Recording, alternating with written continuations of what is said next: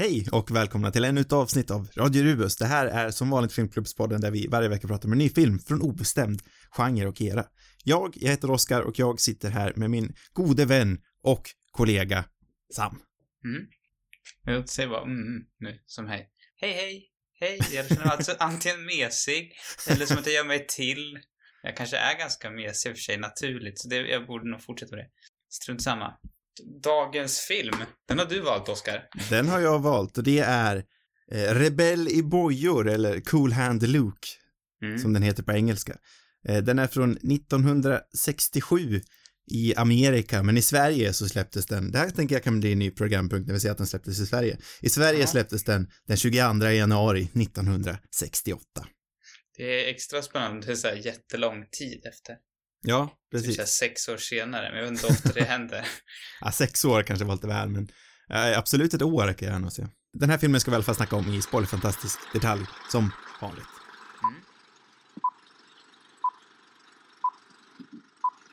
Ska du berätta vad den handlar om också? Ja, Så skönt att få liksom be dig göra det. det är min tur att förklara vad den här filmen handlar om. Eh, Den är för övrigt regisserad av Stuart Rosenberg, borde kanske bli sagt också.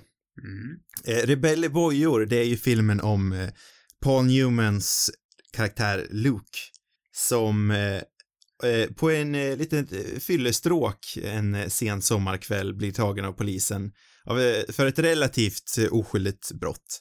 Och han eh, fastnar då i finkan med eh, ett gäng härliga karaktärsskådisar, ett flertal av dem som man känner igen, bland annat eh, George Kennedy som vi stött på tidigare i eh, vårt eh, charade-avsnitt. Mm. Dennis Hopper som vi också stött på tidigare i eh, Den amerikanska vännen och eh, Harry Dean Stanton vet jag inte om vi har stött på men Jo, han dök upp i uh, Wild at Heart tror jag va? Eller? gjorde han det? Det kanske han gjorde. Oavsett, Ja, Harry Dean Stanton är ju det. en eh, fantastisk skådis eh, som vi eh, även stöter på här som sagt. Och väl i finkan så handlar den väl om hans eh, till en början lite nonchalanta inställning till allting till att sen eh, genom ett eh, ett gäng flera olika existentiella element skulle man kunna säga slutar med att han eh, vill rymma från finkan och han gör några försök. Mm. Bra Där tycker, ja, där tycker jag det räcker. Det räcker. Det räcker mycket väl. Man behöver inte övergöra det, känns som. Det var ju väldigt roligt med den här filmen. Jag visste inte om att, eh, ja, inte att någon av de där skojarna skulle dyka upp i, de är väldigt små roller, men det var ändå kul att se Harry Dean Stanton lira gura i bakgrunden och Ja, ja. Hopper skuttar runt. Han påminner lite grann om, vad heter han? Ehm, Sam eh, Claflin tänkte jag på. Jaha. Ja, nej, ja, jo, alltså jag, jag kan se det, men det är nog inte det första jag skulle tänka på. Det var det första som slog mig. Jag tycker om att få poängtera lookalikes. Mm, men Jag det är skulle- alltid lika skoj. Jag skulle aldrig vilja, jag kommer aldrig använda mig av eh, termen lika som bär. som det alltid är de där hemska artiklarna. För där Ja. är de inte ens lika oftast heller. Men kan vi inte då i något slags postmodernistisk skvallerpressmoment ha ett nytt segment i varje podd där vi har lika som bär på ett ironiskt, med en ironisk flär. Ja, det skulle vi kunna. Kanske ska ha en så här, en jingel också. Lika, Vi kanske kan be din kära bror. Ja, att slänga ihop någonting. Ja. Varför inte? För jag, jag hade ju en, li, en liknande grej jag ville ta upp här. Det är inte riktigt lika som bär, men jag, jag tänkte ta det senare, men vi kanske kan ta det redan nu. Mm. Paul Newman är ju en gedigen skådespelare som jag gillar väldigt, väldigt mycket. Mm. Och min fråga är, vem är dagens Paul Newman? Har vi någon med den här liksom, eh, som sagt, lite nonchalanta skärmen med eh, det här fantastiska, snälla och vänliga leendet, men ändå finns det någon, eh, någon liten farlighet där inuti honom. Ja, det är verkligen svårt. Det är ju, du förklarar väl på något sätt nyss hans eh, stora kvalitet kan man väl säga. Och, eh, det känns säkert, det finns säkert någon som har, har liknande kvaliteter, men jag, jag vet inte riktigt om jag kan komma på någon sådär på en gång. Jag tänkte hela tiden, eh, det är inte en liksom precis eh, grej med precis liknelse, men eh, jag tycker ändå att Ryan Gosling har lite av de här tendenserna. Mm. Kanske. Ja, för mig, jag, jag tänkte faktiskt nästan lyfta det, men jag tycker att du vet, James Stewart, eller att Ryan Gosling på något sätt är James Stewarts efterträdare. För att, Ja. jag tror det är för att de kanske är lite lika varandra utseendemässigt också. I alla fall en, en ung, en ung James Stewart har lite samma liknande drag på något vis. Men nu kommer jag att tänka på om det kanske kan vara så att Chris Pine är en ännu bättre. Chris Pine har ju eh, rest sig upp ganska rejält i mina ögon de senaste åren. Jag har verkligen börjat gilla Chris Pine. Jag vet aldrig om du är allvarlig när du hyllar Chris Pine. Det känns som det är så här, ibland så hyllar vi honom mm, liksom med ärlighet och ibland är det med någon så, jag, jag vet inte. Ja, men det, det, började, det började med någon slags ironi, men med senare år som sagt har jag faktiskt verkligen börjat gilla Chris Pine. Ja, men jag kan inte riktigt se Paul Newman-likheten om jag ska vara ärlig. Jag Nej, tycker men vi det- kan enas om att Paul Newman är ganska unik, att han är på något sätt svårt. Det finns säkert folk som är, som har liksom tendenser, men det känns spontant svårt att hitta någon som är liksom riktigt sådär, som har riktigt de där kvaliteterna som han har. För han är ju så jäkla underbar i den här filmen. Ja, och så bekant på något sätt. Eller, förstår du vad jag menar? Det finns- känns som att det finns... Men den här typen av människor existerar i världen. Mm. Jag tror jag har sagt så tidigare om någon annan karaktär. Eh, Men även han, det är någonting... Ja, det, det känns väldigt verkligt. Jag tänker någonstans att det är en av de bättre eh, komplimangerna man kan ge en film, att den här, den här sortens människa är väldigt säregen, men den finns där ute. Mm. Det tyder en verkligen på att man har fångat arketyp. någonting. Mm. Fast som är liksom verklighetsförankrad. Eller, ja men kanske från ens egna erfarenheter. Man har Mm. många har på något sätt stött på den här karaktären i någon Sist vi sa att vi kände igen eh, någon karaktär från verkligheten så har jag för mig att det var eh, någon otroligt otrevlig, vilken film var det? det? Jag tror, var det någon, någon slags sexuell förbrytare har jag för mig. Oj. Vad var den senaste filmen vi såg med en sexuell förbrytare? Eh, jag vet inte. Senast, jag kom inte på någon som vi, jag vet inte. Jag har för mig att det var, jag kanske bara inbillar mig nu. Ja, ja, att man, att man känner igen eh, Paul Newman från verkligheten är väl kanske lite mer smickrande. Mm.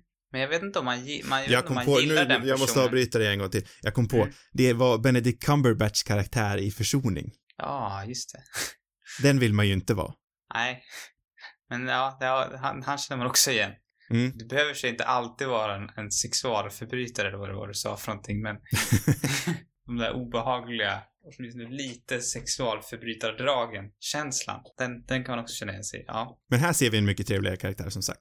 Förlåt, jag avbröt dig. Vad tänkte du säga? Ja, nej men alltså det är inte, jag vet inte om jag gillar den här personen, alltså när jag stött på den här typen av personer så, så vet, det är det som är så spännande med filmen också tror jag, att, eh, eller jag i alla fall känner mig på något sätt splittrad till hur man, man, man älskar ju den här karaktären, eller alltså man tycker att han är jävligt härlig, men han är ju också dryg på något sätt. Jag känner kanske inte den här ovillkorliga kärleken som, som, vet du, George Kennedys karaktär känner till honom. Dragline.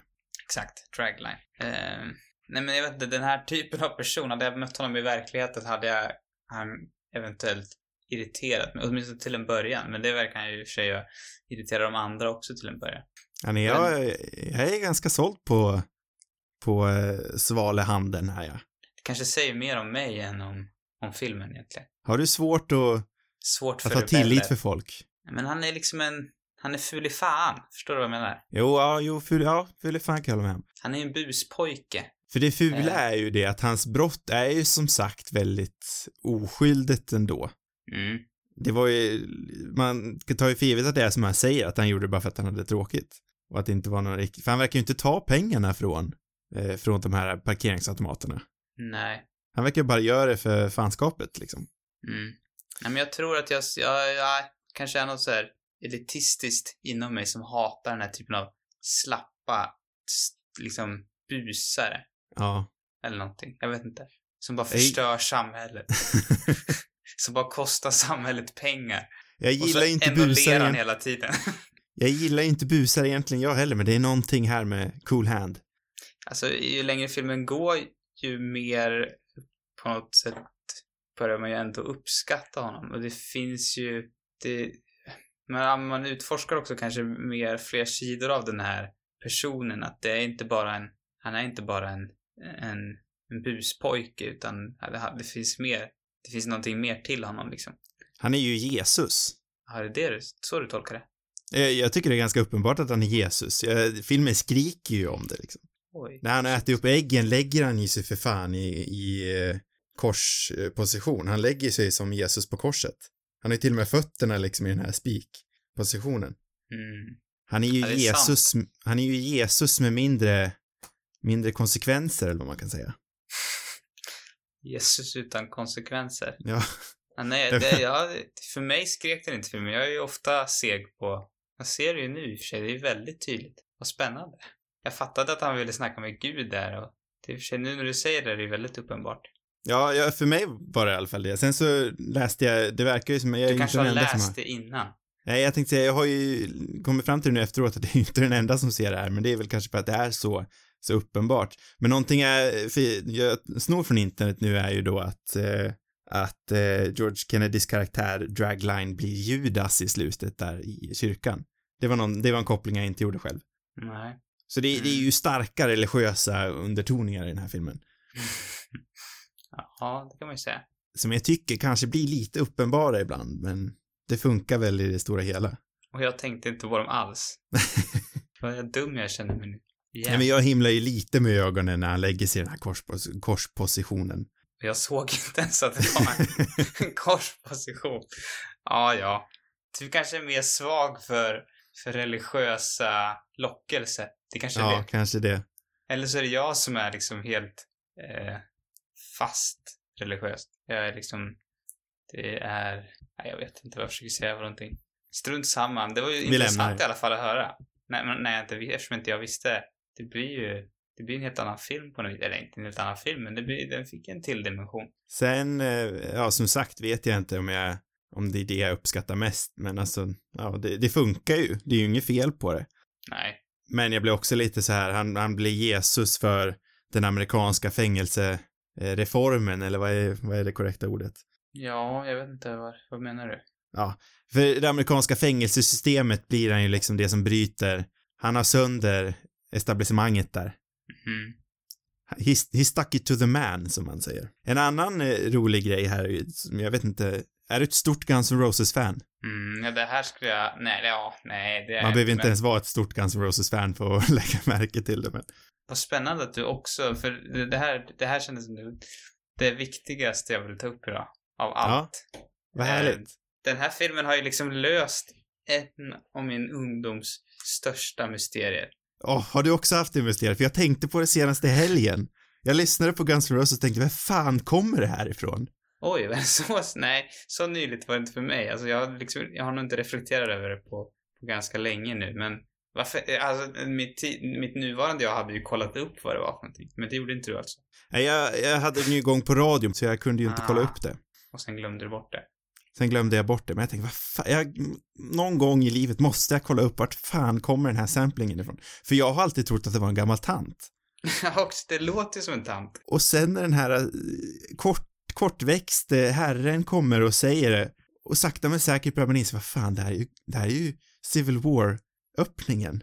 Jag fattade inte först vad det var för någonting heller. Jag, bara, jag kände, det var ju så otroligt bekant liksom, den där Mm. rösten. Han är väldigt speciell. Det är väl han fängelsedirektör, eller vad är han? Ja. Fängelse... Ja, Chefen, liksom. ja, direktören tror jag att det är. Han har ju en väldigt speciell röst. Ja, det har han. Och jag vet inte, det var, det, var, det här... Det var liksom en sjuk upplevelse. Jag tror jag aldrig varit med om något liknande. Att, att liksom få källan till, till något sånt. Det hade kanske inte lossnat lika snabbt om det inte var så att jag sjukt nog tänkte på det bara för en dag sedan. Nej, för jag började så tänka, är det här en Eminem-låt eller någonting? Jag vet inte Ah. vad det skulle vara det. Det, var, det kändes så här, jag tänkte först att det, är- det är någon rapplåt liksom. Och det passade mest med, med Eminem. Han är mest white trash, tänker jag. Ja, men jag, jag håller som sagt med dig. Alltså det här var ju, det här var ju svaret till en, nästan till en livstid av funderande. ja, verkligen. Ja, det är också lätt till att jag kanske kommer liksom återfinna Guns N' Roses på nya plan. Jag Ja, väl inte lyssnat jättemycket på dem sen högstadiet, men då, då var det ändå, högstadiet var det ändå en del Guns N' Roses. Jag ska väl inte säga att jag inte kan dra igång en GNR-platta lite titt som tätt. Eller en Ja, platta är så. är väl inte, men Nej, en digital. GNR-platta. En låt drar jag igång ibland liksom. Men, Ja. mm, ja, det är fantastiskt imponerande Mm. och det var nog filmens bästa stund tror jag. Nej, Nej, vad, vad tycker du om filmen egentligen? Ska vi, ska vi hoppa dit? Jag vet inte vart vi är någonstans. Vi... Nej, men vi hoppar dit. Eh, Jag, jag känner väl rent spontant att det här, eh, det var ju jag som valde filmen och det är ju främst för att jag har hört så, eh, Rotten Tomatoes, jag vet inte om du brukar kolla på dem, men ibland har de, det var flera år sedan jag kollade på en sån här lista nu, men förr i tiden hade de i alla fall, eh, att de intervjuade folk så frågade de eh, vilka deras fem favoritfilmer var. Mm. Och ett flertal gånger så dök den här filmen upp som människors nummer ett. Den jag starkast kommer ihåg är Woody Harrelson, har jag för mig har den här som sin absoluta favoritfilm. Det känns som en väldigt Woody Harrelson-film. Ja, faktiskt. Nej Ja. men så jag, och någonstans har den väl legat här på min Netflix-lista otroligt länge och jag har haft en lite sån här klassikerhöst. Jag har betat av massa såna här eh, skämskuddeklassiker. Mm. Jag kan väl inte riktigt säga att Rebelli Boyo är en skämskuddeklassiker. Nej, nej inte, inte. Inte i samma mån som 2001 eller Apocalypse Now, två som jag ännu inte betat av. Det är Eh, förstås, men- skämskudde-grejen känns ju väldigt personlig också. I Så är det ju. Men jag Mm. eh, kände, jag valde valet och kvalet förra veckan vilken film jag skulle välja. Hade inte riktigt bestämt mig. Så gick jag igenom Netflix-listan och där låg den. Bara eh, på väntan i att fan snart kommer den försvinna härifrån, det är dags att, att ta tillfället i akt och kolla på Rebelle Bojor. Mm. Och jag, eh, jag vet inte, sa jag vad jag tyckte? Jag tror inte det. Nej. Eh, jag eh, tyckte verkligen om den. Jag tyckte den var väldigt bra. Kanske snäppet är för lång. Mm. Ja men vad härligt att du, du liksom sa det före mig den här veckan. För det känns som att jag har flera gånger påpekat att jag tyckte filmen var för lång och du har inte riktigt Ja. hållit med mig. Men den här veckan är vi på samma sida, eller man ska säga. För jag, jag vet inte vart eh, ditt problem med eh, pacingen ligger. Men för mig ligger det någonstans där vid andra rymningen. Jag vet inte, behövde man ha en till, ett till rymningsförsök? Mm. Nej, men jag Gav... kan också känna det att jag tröttnade lite grann på, på något sätt den tredje akten blir väldigt mycket rymningar bara. Mm, Jag tror, eller för mig det som, som det jag tyckte var väldigt bra med filmen var, eh, nej men det, det, det är roligt på något sätt att se det här gänget, alltså de här fångarna på något sätt, hur de blir, eller också att han, Luke får den här på något vis, liksom idolstatusen nästan i det här gänget. mm, Eh, Och att den, är- det känns som en så varm, alltså oväntat varm film. Alltså Mm. fängelsefilmer brukar ofta vara någon skurk och till en början så tror man ju att, att, eh, att det ska vara han, vad, vad hette han för någonting nu ändå? Eh, Dragline. Ja, Dragline som är, man, man får känslan av att han är liksom ledaren innan Luke Mm. kommer in liksom. Och eh, då, då tror man ju direkt att han, han kommer ju vara en ond jävel, men det, han fullständigt älskar ju Luke. Ja, och man Eh. känner ju också igen George Kennedy som en så här klassisk skurkskådespelare. Ja, och, och nej men just den där kärleksfulla relationen mellan alla de här männen i, i, i finkan, det, det tyckte jag var så oväntat och eh, men charmigt liksom. Ja, Eh, men det är ju för att han är Jesus och de andra fångarna är ju hans lärjungar. eh, lärjungar, ja, så heter det. Ja, ja det, det är snyggt. Nej men jag, jag tycker verkligen att, att, eh, men det var, ja, verkligen bra. Eh, men som, som du sa så känns det som att den blir, det blir lite för lång. Det, Mm. ja, den hade lätt kunnat klippt bort. Jag vet inte hur, man, hur de skulle ha gjort det men alltså, det, det blev, man fick väl inte, det gav inte så mycket de sista kanske 20 minuterna eller vad det var. Nej, för någonstans känner jag att vändningen är ju väldigt abrupt också. Man förstår ju att det är för att hans eh, han, han har ju den här eh, scenen i regnet och han står liksom och, och hädar mot Gud och mot sin far då antar jag. Mm. Eh, och liksom säger, ja, att han inte tror på Gud alls. Eh, och att han, han ber om ett tecken, det är så det är. Mm. Eh, och tecknet då blir väl, antar jag, att hans mamma dör. Ja. Och, och sen efter det, jag, jag, jag, jag, jag hade lite svårt att liksom fånga upp vändningen där. Varför rymmer han efter det tecknet? Mm. Jag vet inte. För det känns som att ena, säsong, ena sekunden var han inte, var det knappt ens på tavlan att han skulle rymma. Nej. Nej, det är lite oklart vad det är som, Men det, det funkar absolut. Det är väl Ja. mer sen liksom pacingen i de här rym, rymningsförsöken jag inte riktigt köper. Men jag avgudar verkligen, som du sa, första timmen av den här filmen. Jag tycker det är så himla underbart. Mm. Supermysigt. Jag, jag, jag, jag har precis skrivit det här i mina anteckningar också, att fan, är det inte ganska mysigt? Det är ju lite kollovibbar. Ja, man undrar vad de här sitter inne för, för någonting. Ja, det känns ju inte som några grova brottslingar direkt. Nej, de känns väldigt gulliga. Jag tycker det verkar svinhärligt nästan. Jag hade fan, jag hade lätt kunnat haft en vecka där. Ja, och de är ute och jobbar i värmen. Ja, det var också en fråga jag har. Jobbar man varje dag i ett amerikanskt fängelse på eh, fem- 50-talet eller när ska det vara? Ja, men varje dag jobbar de inte. Nej, inte på helgerna. Inte på söndagar. Nej. Nej, men eh, gör man det? Det kanske man gör. Ja, jag tror, alltså det där är väl fortfarande en, en, en på någon sorts, på något vis en industri nästan, att det är många företag som tjänar på att folk sitter inne i Mm. USA. Jo, men det vet Eh, jag. Så att, eh, att, jag tror absolut att det gick till sådär. För jag tänker någonstans att man bara sitter där i sin säng. Det beror säkert på vart man sitter någonstans. Ja. Ja, det här, jo, men det här kanske inte är så grova fångar. Jag vet inte. Nej, det kanske inte är. Det kanske inte är de, de grövsta. De kanske skulle göra något annat liksom.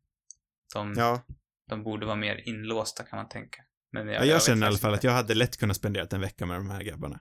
Mm. Ja, men de känns trevliga. Lite lättare åtgång till vatten så hade jag Känns varmt. mig. Ja, det är, det är någonting den här filmen fångar rätt så bra tycker jag. Den här värmen, det är liksom svettigt och kvalmigt och fuktigt och även när det regnar känns det, det känns fan värre när det regnar. Väldigt, ja, det är väldigt bra foto tycker jag också. Det, just som du säger att den skapar den här känslan, men det är bara jävligt snyggt också. Mm. man får säga det. Eh, nakna manskroppar, svettiga och smutsiga, som, står i ett dike och liksom, vad säger man? Stirra på någon flicka som tvättar sin bil. Nej, det var inte, jag tänkte mer att de slog gräs, det var det jag mest gick igång på. Ah. Men Okej. vad, sa- har du sett, är den, den måste ju också vara någon sorts bibliskt i den här bilscenen, eller vad var? Ja, någon frästerska. Ja, ja, jo, kanske. Jag tänkte mer bara liksom de här tio budorden med, jag vet inte vad det heter, jag kan dem inte men, Ja, nej, inte. ja, något åt det hållet, Ja. antar jag. Ja, nej, jag har faktiskt inte tänkt på det. Det finns säkert någon koppling till den här äh, biltvättar-tjejen. Ja, eller vad, vad ska man annars säga om den scenen för någonting? Ja, Jag lämnar det till dig. Ja, jag, jag är så dålig på det där jag med, så jag, jag, jag överlämnar det till någon mer kunnig. Ja, Ni får lösa det själva helt enkelt. Så känner jag i alla fall. Jag eh, är ju, vart ju också väldigt glatt överraskad känns, nej men, det, Ja, vi kan inte ja. helt lämna den. Nej, Den nej, känns, den, den känns ju inte verklig. Nej, den Är gör ju inte det. tror du? Jag tänkte hela tiden att nu, det här kommer ju avslöjas att det här är en fängelsevakt i drag. Jag det var tänkte, det, det. Jag tänkte att det var någon sorts dröm bara, eller någonting. nej men jag tänkte hela tiden, det här är ju en fängelsevakt som jävlas med dem. Det här känns för konstigt. Det vore- också roligt ändå, den, en bjussig vakt. Jag tänkte hela tiden att han bara skulle slänga, för hon visar ju aldrig riktigt ansiktet heller. Till slut så trycker hon ju sina bröst mot fönsterrutan och då inser jag att nej, det är ju inte möjligt. Men innan det så tänkte jag tiden, Det här är bara- också konstigt att, de, att man inte ens ser ansiktet. Det känns, Ja. känns inte riktigt bra. det, den är Ja. jätteoff. Ja, den, den är off. Verkligen. Jag vet Men det inte riktigt vad tanken är. Nej, för det spinner vidare på det här jag tänkte prata om att den här filmen är ju väldigt rolig. Mm. Den är ju jätterolig och den har ju de här, precis som den här biltvättarsekvensen, har den ju en, en annan väldigt absurd sekvens i den här äh, äggätartävlingen. Det är nog min favoritscen. Det, det är ju så fruktansvärt roligt. Ja, ja.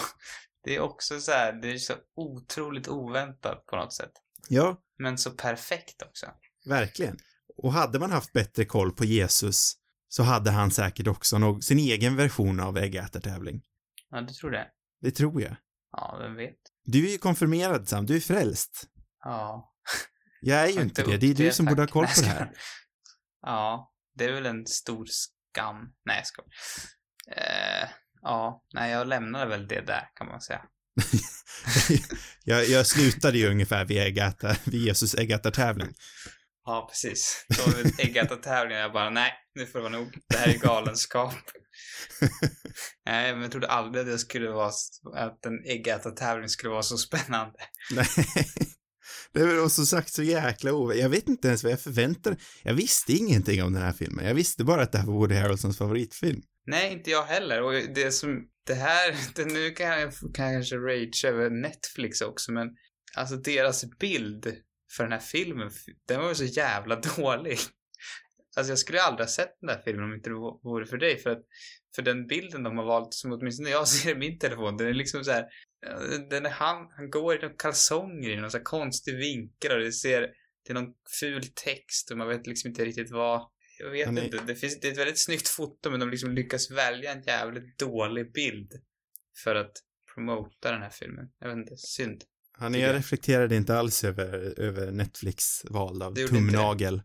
Nej, det är sånt där jag blir, kan bli frustrerad av ganska ofta, att de, de väljer, jag vet inte, att det är fula. Alltså man, för det första är det svårt att hitta filmer, det blir jag ju arg på. Mm, Sen blir jag arg på att, att ibland så gömmer ju sig på något sätt, ja men jag tycker ofta att de här klassikerna kan gömma sig bakom en väldigt konstig, överediterad bild liksom i något sorts försök att locka kanske en, en eh, modernare publik, gissar jag. Eller jag vet inte vad tanken är. Men det, ofta ser det så tacky ut att, att jag liksom inte, att jag typ, eller att de bara, missar att det är den filmen för de har liksom valt men ibland kan det vara att det finns en sexig scen med i filmen och då tar de den som poster. Men ja. den kanske föreställer en person som inte alls har någon stor roll så att man liksom ser inte ens vad det är för någon, man vet inte vad det är för film. Nej, jag känner att den här algoritmen som de har inte, den eh, svamlar liksom, de, de, dels har de börjat pusha sina originalproduktioner mer än någonting annat. Jag får bara liksom rekommendationer av deras originalproduktioner, vilket man kan förstå. Men den här mm. algoritmen, den ökända algoritmen de har som ska eh, liksom eh, ordna deras sortiment efter det algoritmen tror att du eller jag kommer tycka om, den funkar inte riktigt om man är mångätare, upplever jag det som i alla fall. Nej, eller det överhuvudtaget så är det väldigt lätt att missa filmer. Jag tycker Nej. att den liksom helt svamlar bort det med som du säger gamla filmer, främst gamla filmer. Mm. Men också har man sett på en film, men då får man bara förslagen om det. Har man sett en annan film, men då får man bara förslagen om det. Mm. Jag tycker om att, eh, ja men går man in på Viaplay eller cineasten eller någonting, då kan man liksom sortera efter mm. år mm. eller vad man nu vill sortera efter och man kan se vilka som nyligen har kommit och sådär. På, på Netflix är det jättesvårt. Alltså det, jag kan liksom upptäcka efter ett halvår, bara, oj den där filmen finns ju på Netflix. Jag hade ingen aning om. Jag skulle kunna hyra en film, mer eller mindre. Mm. För att det liksom, för att jag inte tror att den finns där. Så där har de misslyckats. Brutalt, tycker jag. Eller jag vet inte, de kanske lyckas med det. Jag vet inte om det är, det kanske leder till att jag kollar på filmer de vill kolla. Eller vill att jag ska kolla på. Ja, som sagt så upplever jag det som, det är väl kanske bara mitt flöde att de enbart pushar sina eh, originalproduktioner. Idag, senast idag fick jag till exempel en pushnotis om The Laundromat, en film jag faktiskt vill se. Så på det sättet har de väl lyckats, men... Jag tror det lite beror på vad man är för sorts användare. Men jag är ju den sortens användare som, eller jag brukar, jag brukar ofta säga att jag, jag letar betydligt mer efter filmen, eller ja, det kanske de flesta kanske känner sig, att man letar, lägger mer tid på att leta efter filmer än att se på filmer. Mm. Men, men jag lägger väldigt, alltså jag är ofta inne liksom och kolla på alla de här tjänsterna, vad de har för utbud och sådär. Om man är den sortens användare som vill ha full koll på utbudet och vad alla tjänster håller erbjuder för tillfället, då är Netflix en otroligt frustrerande tjänst. För det är också... ingen kontroll som användare. Det är också väldigt skevt att de inte har liksom en lista där de lägger upp de senaste filmerna. Mm. Då, då går jag in på en extern, en extern hemsida och kollar på vad som har droppat in. Ja, För de har, de har ju någon flik nytt hos oss, men det är inte allt som syns där. Nej, den är falsk också. Ja. Det gör mig nästan ännu mer arg. Precis. Men nu kanske vi ska sluta eh, smutskasta Hejta. Netflix. Ja. Nej, det tycker jag inte. jag vill ha någon sorts så alternativ smutskastning av Netflix istället för den här uppspeedningsgrejen. Den är jag mer obrydd över. Ja, alltså, vill folk kolla så får de väl kolla så. Jag skiter väl jag kan ju förstå att filmskapare blir upprörda, men alltså ni har ju lämnat över folk, ni har ju lämnat över filmen till publiken, till publiken. Hade de haft den på Blu-ray hade de ju kunnat snabbat upp den 15%. Mm. Det är de ju Eller inte ännu här. mer. Ja. Så jag, jag, jag förstår inte riktigt grejen faktiskt, men Han var så dum som man kollar på. Eller det det måste vara en dålig film då, tänker jag. ja. E.T. Ja, till exempel. Den kan vara värd att speeda upp. om man måste prata om den. en Den sämsta filmen någonsin i Sams ögon. Absolut inte.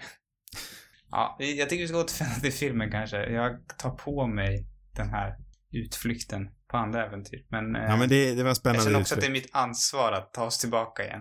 Det här var ditt första rymningsförsök. Mm, det kommer två till. Och sen dör jag. ja. I en kyrka, i, i HBOs kyrka eller något sånt där. Ja, precis. Eh, känner du att du har, trots att man ändå gillar de flesta av alla de här skådespelarna, så har jag lite svårt att hålla koll på vem som är vem. Mm. Ja, den här, han Coco fattade nästan aldrig vem det var. Nej, Till inte slut jag heller. förstod jag det, men Fanns det det inte är någon som många typ där. Gambler också eller något sånt där? Mm. Ja, jag vet inte.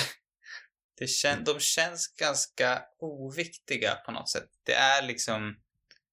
Det är Paul Newmans karaktär och så, och så är det George Kennedy. Det är de som spelar roll på något sätt. Och de Mm. andra är mer som bisittare. Mm. Och så såklart de här äh, vakterna de där, de, de har man ju mer koll på. Mm. Jo, men de blir ju liksom för sig på något vis. De, de clash ju annorlunda så de sticker ut extra mycket i mängden. Mm. Nej, men Ja, för- så är det absolut. För jag tänker om man jämför den här filmen med eh, den andra eh, fängelsefilmen som jag tror att de allra flesta har koll på, det är ju Nyckeln till frihet eller The Shawshank Redemption som den heter på engelska. Eh, Mm. Och där, oavsett vad man tycker, jag tycker den filmen är väldigt bra. Nu var det i och för sig, vis, visserligen var det väldigt länge sedan jag såg den, men jag vill säga att jag tycker den är väldigt bra. Kanske inte Mm. den bästa filmen någonsin, det har jag nog lite svårt att hålla med om. Eh, Men jag vet att många har problem med den filmen.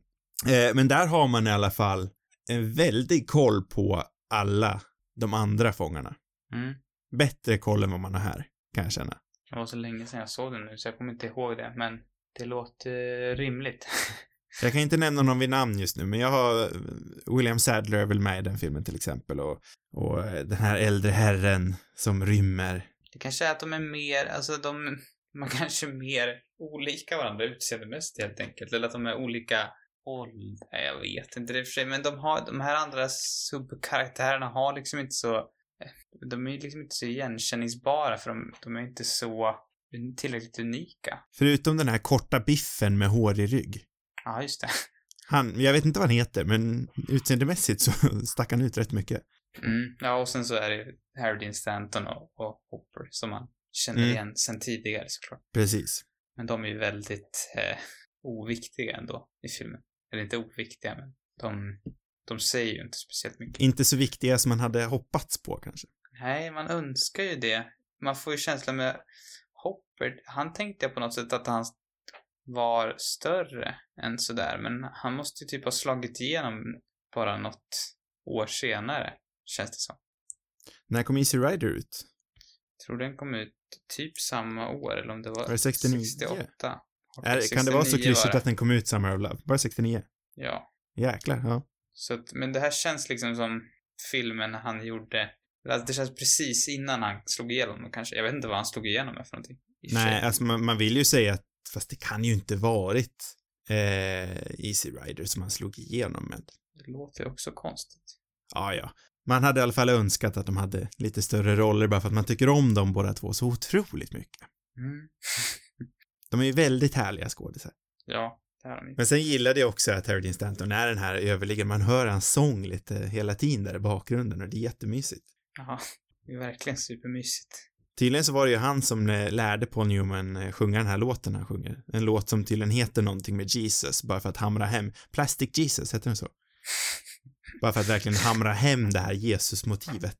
Som inte jag fattade. Så det var inte så svårt att hitta.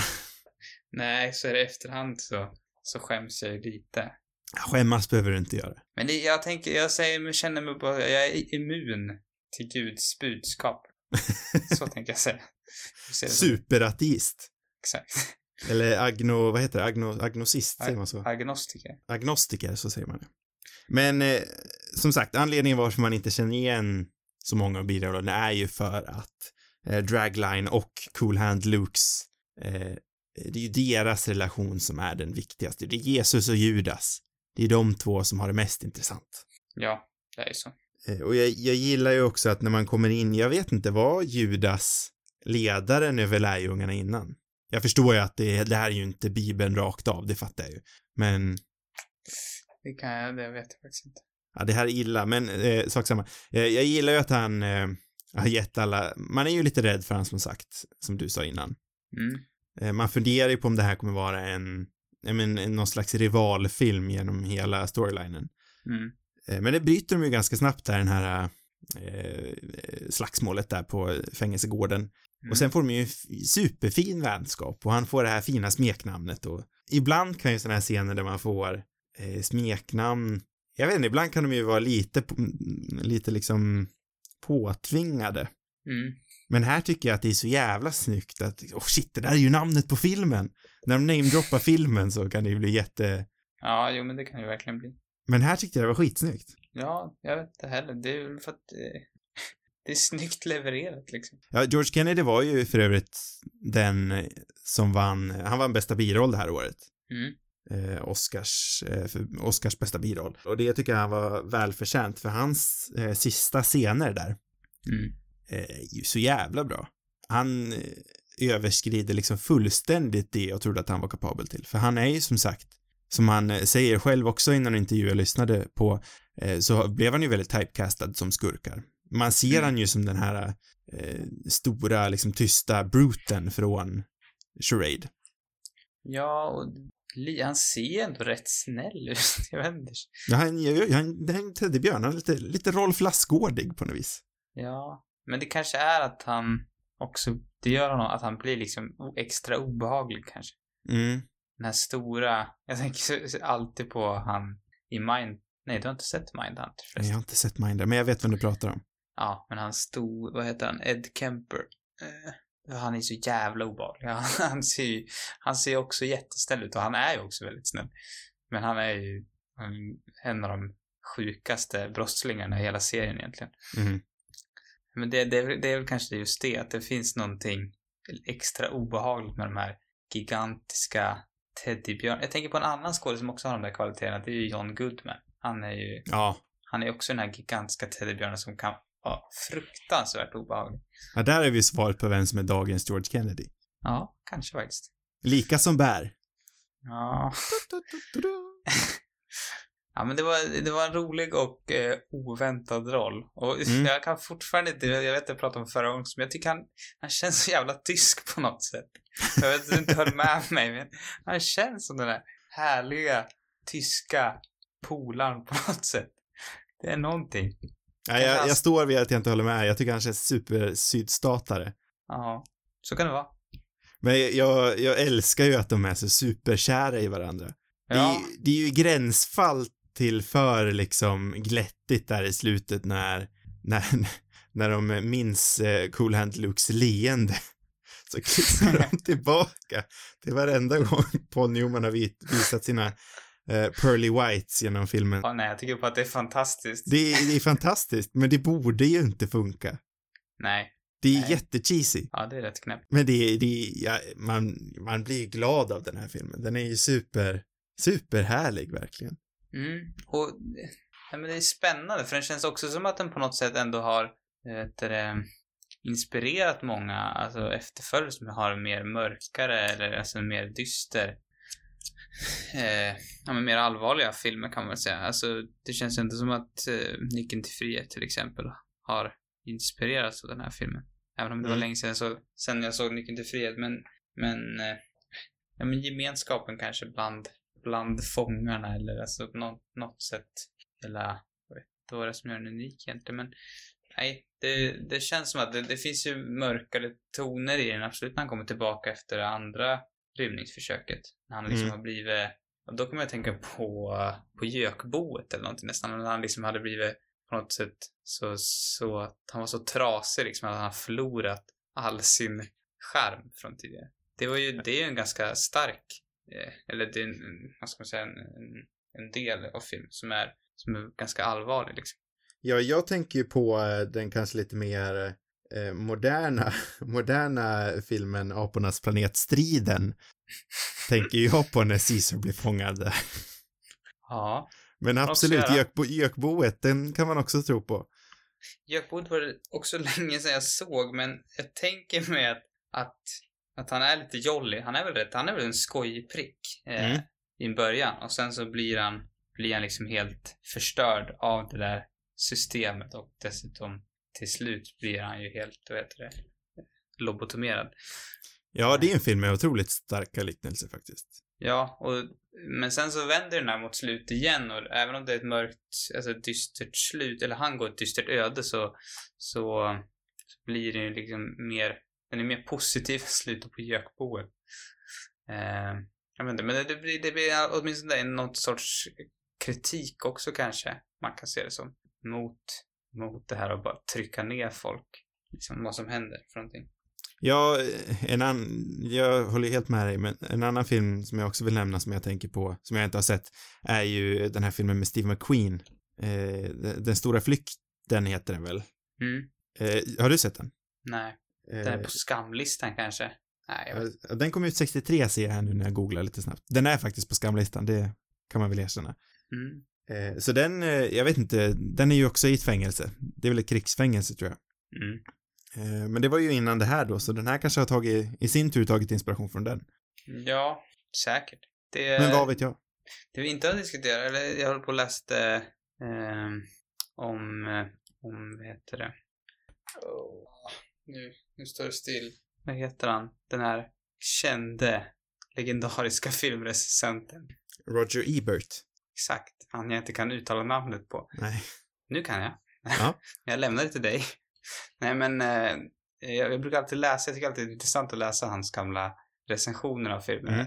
eh, jag har kollat på. Och eh, han pratar just mycket om den här um, alltså antihjälten. Eh, som, som Luke är ändå. Och eh, på något sätt, inte att den här filmen föder antihjälte, men det var ändå Alltså den sanna antihjälten uppkom, eh, eller han snackade mycket om, om vad heter det, 50-talsfilmerna med, eh, ah, nu, nu, Gudfadern, vad heter han för någonting? Det Coppola? Nej, alltså självaste Gudfadern. Jaha, eh, Marlon Brando. Jaha, ja. Brandos eh, 50-talsfilmer. Eh, att, att han på något sätt, den här leende, eh, lite jävliga eh, antihjälten, att det var på något sätt en, en hjälte som inte brydde sig om vad publiken, om publiken tyckte om honom. Mm. Att den här filmen också var på något sätt ett, ett, ett steg vidare i det. Ja, det jag tänker i alla fall eh, som 70-talet, jag tänker att det var väldigt signifikant för 70-talet. Så det här är ju ett steg mot den riktningen, det ser man ju Mm. absolut.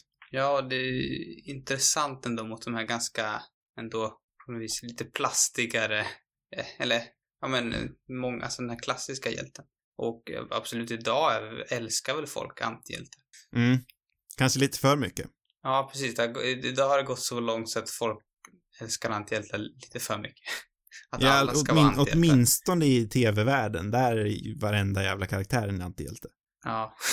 Det är ju lite tröttsamt att det inte finns en tv-serie utan en antihjälte. I alla fall bland prestige-tv. Mm. Nej, nej men det, det, det är bara spännande att liksom se antihjältens utveckling. Nu har inte jag sett de här Marlon Brando-filmerna. Nej. Eh, borde ju kanske nämna vilka han refererade till om jag hade varit lite proffsig, men eh, det är någon bikerfilm tror jag, bland annat. Och sen den här jätteklassiska, On the waterfront antar jag. Och... ja, och så, vad heter den andra? Card Name Desire? Precis. Ja, det var en, ett, ett intressant sidospår i alla fall. Ja, det tycker jag absolut. Det var din andra rymning. Min andra, nu är det bara en kvar. Uff, vad spännande. Eh, jag har ju en annan sån här tematisk grej. Här är jag dock inte lika tydlig på den. Mm. Men eh, den här fängelsevaktens glasögon är ju, det är ju en otroligt snygg bild den här filmen. Den öppnar ju inte på den. Men eh, det är ju en, det är en central bild med de här glasögonen. Mm. Det känns ju, kan de vara riktiga den där spegel? Jag funderade också på det. Det ser ju nästan fake ut, men jag vet inte. Nej, det kan säkert också vara riktigt. Jag vet det är svårt att... Jag tycker på något, jag vet inte varför. Det känns så här, han känns, de där brillorna känns så 80-taliga på något sätt. Även fast jag vet att, att sådana där brillor har funnits betydligt längre än sedan 80-talet, men, men estetiken med de här otroligt glänsande spegelblanka pilotbrillorna. Det känns, och också att det känns som att han bär någon sorts så här läder outfit. Ja. Det är så jag minns det i alla fall. Och han säger inte ett ord heller. Han är den Nej. tysta, onda skurken. Och fy fan vad varmt det ser ut. På tal om svett, alla andra tar av sig Ja. sina tröjor, men han går omkring i en läderjacka. Ja, och så här BDSM. Nej, jag kanske inte ska ta det dit, men... Nej, men... Ja, för all del. Han, Det har ju en sista rymning. Ja, har den till något annat kanske. nej, men det... Ja, nej, han... Jag tycker han är också ikonisk. Ja, det är ju en superikonisk bild, för den där bilden har jag sett någon gång. Mm, Man har ju sett den i alla fall. mm. Men jag, som sagt, Cool Hand Luke har ju ändå varit någon slags liksom, den har varit i blindzonen för mig, i blinda vinkeln, så jag vet, jag vet knappt någonting om den här. Nej. Så det är två grejer här nu som jag har fått reda på vart kända, kända saker härstammar ifrån. Mm. Eh, men eh, anledningen varför jag tog upp de här glasögonen är ju att jag tänker att de eh, symboliserar, för det är, de dyker upp där i början, sen så speglas de en gång till vill jag säga, jag kan, kommer inte ihåg när eller var, men de dyker upp en gång till. Mm. Och sen förstörs de ju där med, eh, när eh, Cool Hand Luke åker iväg i polisbilen mot sin död. Mm. Så jag tänker ju Just det. någonstans att de här glasögonen måste ju symbolisera förtryck. Ja. Fast samtidigt så spe, det är ju viktigt att de speglar också. Ja, jag vet inte vad, vad den här... För det är ju viktigt, superviktigt att de här förstörs. Det säger ju hur mycket som helst. Mm. Så Jo, någonting... men det är väl något sorts förtryck. Alltså, det är det jag tänker, för när Luke eh, besegrar ju fängelsesystemet i slutet då kan man säga.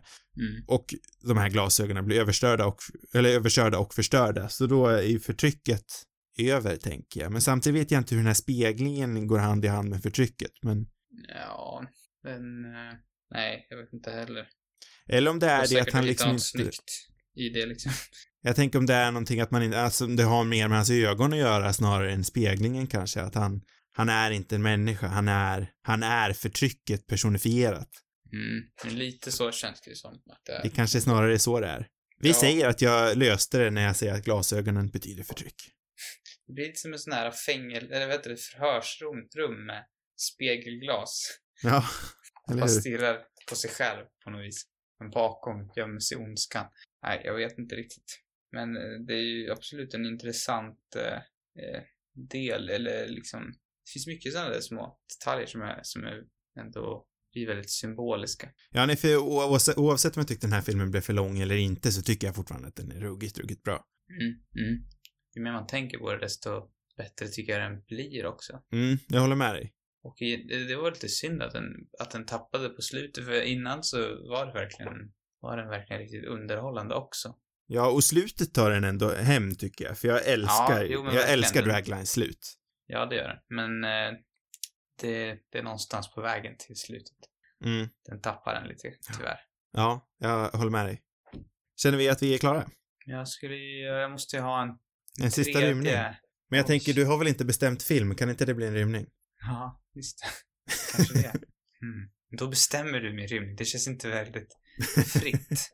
Det känns inte som en rymning om jag bestämmer att du ska rymma. Det, det, det är en annan sak som jag luftar liksom så här. Det är spontant. Nu vet inte jag, den här filmen, jag tror jag knappt hör dit egentligen. Men, men beror kanske på vad man har för tolkning. Men Hollywoods guldera ses väl knappast kanske, fast det kanske ses hela vägen in på 60-talet. Vad, vad säger du där? Du som är filmhistorikern. Jag tänker att det har tappat det här laget. Ja, ifrån inte. Ja, kanske. Eller att det, att det är runt omkring här i alla fall det börjar gå ner, för med eh, Easy Rider där bland annat så kommer ju revolutionen med. Ja, jo men det är nog till, man ska lita på Wikipedia så är det till 60, 60-talets början. Så det här är inte riktigt dit då. Men, men det jag vill komma in på var att det känns tyvärr ganska fattigt med, med filmer från den tiden tycker jag. Alltså som det går, att få tag på. Mm. Ehm, jag skulle vilja se, eh, 60-talsfilmer är i och för sig ganska enkla. Eller enkla, men där finns det ändå en del. Men, men komma tillbaka till 50 och 40 och 30-tal som det, det ändå finns, jag tycker det finns en väldigt så här charm till amerikansk, den här liksom Hollywood, den klassiska Hollywoodfilmen Mm. den märkelsen. Och den känns väldigt svår åtkomlig för att till exempel cineasterna har ju mycket europeisk film och mycket film från senare, men inte så mycket från den tiden egentligen. Och, och ingen, kollar man på Netflix till exempel, om vi ska trampa på dem igen, så har de, om det går att, för det första går det inte att söka på år, så det kanske finns filmer där under om man, som man inte har sett. Men annars känns det där som att det är väldigt fattigt med, med, med den typen av filmer. Nej, och det är ju det vi ser ännu mer nu liksom med digitaliseringen av film, att det blir ju lättare och lättare för företagen att mörka eh, med stora liksom stora delar av filmhistorien. Jag läste väl någon rubrik nu om att det är det Disney gör med, med mycket av Fox arkiv. Mm. Att de tar bort det helt och hållet och mörkar, jag menar en gigantisk del av filmhistorien för allmänheten. Och det är ju också det som är tråkigt när streamingtjänster som Filmstruck som fanns för bara försvinner sådär. Nu har ju de gått och blivit Criterion Channel eller något sånt där. Mm. Men då, det är mycket som bara kan försvinna sådär. Det är det som är farligt med att allt finns där uppe i, i något diffust moln någonstans. Fast det är också det som borde ge, jag tycker ju att det borde snarare vara en möjlighet för, för alla de här filmerna, men Ja, det är ju det för som är... tidigare hade man inte nått dem alls. Men på något sätt så tar de inte vara riktigt på det. eller Det är inte någon som liksom gör, kanske gör det arbetet heller. Men det, för mig handlar det mycket om så här, bara de här gamla klassikerna liksom. Det, jag behöver inte hitta någon obskyr 40-talsfilm utan överhuvudtaget så känns det, går man in på iTunes kan man säkert hyra många, alltså de flesta av dem, de jag tänker på men, men eh, jag vet inte, det är en speciell känsla när man liksom sätter sig och kollar på en, en, en gammal guld, golden age Hollywoodfilm med ett så här maffigt intro. Bara att så här se, eh, ja men vad ska vi ta? Eh, Spartacus. Sparta. Nej, jag tänkte bara på det här, liksom själva introt. Ett lite, ett, ett lejon som morrar. MGMs klassiska eller Universal eller vad som helst. Bara den här liksom, Eller Fox fan, fanfar för all del. precis. Singin' in the Rain-filmen, de här stora, stora Hollywood epikerna, de, de vill jag ha åt mer. Mm. Ja, och det är väl extra eh, otillgängligt. Jag tänker att det är mer tillgängligt i USA i alla fall. Ja, det tror jag också. Mer än vad det här. Men det är ju det som är så bra med eh, till exempel Svenska Filminstitutet, att det ändå arkiverar och restaurerar mycket film. Vi har ju en stor, en stor bunker, tror jag någonstans, med massa arkiverade och eh, omskötta filmrullar med sällsynta filmer. Så det är ju, det är, vi är ju inte de enda, det finns ju fler länder. Så det är väldigt bra att det finns. Sen att tillgängligheten är inte är hundra är en annan femma, men och det är som du säger, alltså möjligheten att visa upp den här fantastiska historien för allmänheten är ju större än någonsin, men ingen utnyttjar det riktigt. Nej, inte... eller Cineasterna tycker jag är ett bra exempel på något Cineasterna är skitbra. Som bygger ut hela tiden liksom. Mm. Och som gör det tillgängligt för allmänheten, för vem som helst kan skaffa ett bibliotekskort. Tänker lite att de här guld, eller golden age-filmerna inte är li... Alltså, jag tänker i svenska ögon så är de inte så coola. Det är kanske mina fördomar. Tänker att man i Sverige, alltså man i Sverige kanske ser ner lite på det nästan. Och det är vilket man också kan göra, men alltså det är ju mycket skit säkert och, och sådär, men, men det känns som att man hellre gottar sig i en, i en europeisk 60-talsfilm, kanske. Det är lite som dagens blockbuster, alltså det, det var ju dåtidens blockbusterfilmer som förmodligen hade en, en ganska bristfällig kvalitet och kanske inte de, kanske lite åt det här spåret som, som Scorsese snackar om Marvel som, som underhållningsfilmer. Du ju helt rätt i att just den här Golden Age eh, som vi har passerat eh, vid, rebell, vid rebellbojor, men eh, just den Den perioden är lite borta. Mm, den är mer svårtillgänglig i alla fall tycker jag. Men det där, det var din sista rymning. Det var min sista. Den Men fri, det är lång. du inte, för nu fångar jag dig. Ja, just det. Och så kör vi vårt avslut. Men först måste du berätta vilken film du ska välja till nästa vecka. Eh, Det blir Brokeback Mountain nästa vecka. Åh, den har jag tänkt välja hur länge som helst, så det är tusan spännande. Mm, Finns den fortfarande på Netflix, eller? hoppas jag. Men förmodligen inte. ska vi kolla Ja. lite snabbt? Vet att den finns på Cineasterna också. Vi kollar lite snabbt. Vill jag hellre kolla på cineasten om det finns där. Ja, fast det är inte riktigt lika bekväm användarupplevelse faktiskt. När man väl har valt film. Det ska jag ändå ge Netflix. Eh, den finns på eh, Netflix och HBO faktiskt. Och på cineasterna. Och på cineasterna också, om ni vill kan ni ju såklart hyra den på eh, Google Play eller iTunes. Säkert på eh, SF Anytime också, men det pallar jag inte att kolla upp. En lättillgänglig film helt enkelt. Ja, men det är ju en klassiker och superbra. Har du sett den? Nej. Nej. Har, det kan bli lite spännande. Jag har sett den två gånger Ja. tror jag. Oj, oj, oj. Spännande. Jag ser den gärna igen. Jag tycker den är superduper bra. Mm. Eh, Så lite mer deppigt till nästa vecka med andra ord. Mm. Fler avsnitt, de hittar ni som vanligt på cinemarubus.com, eh, Apple Podcasts, Spotify eller på andra poddappar. Sociala medier, det har vi också. Där heter vi Cinemarubus på Instagram och Twitter. Och har ni frågor och vill ha svar så skickar ni in det till cinemarubus@gmail.com. Kom, Det var allt för den här veckan. Vi hörs igen nästa vecka. Godnatt. Mm. Godnatt.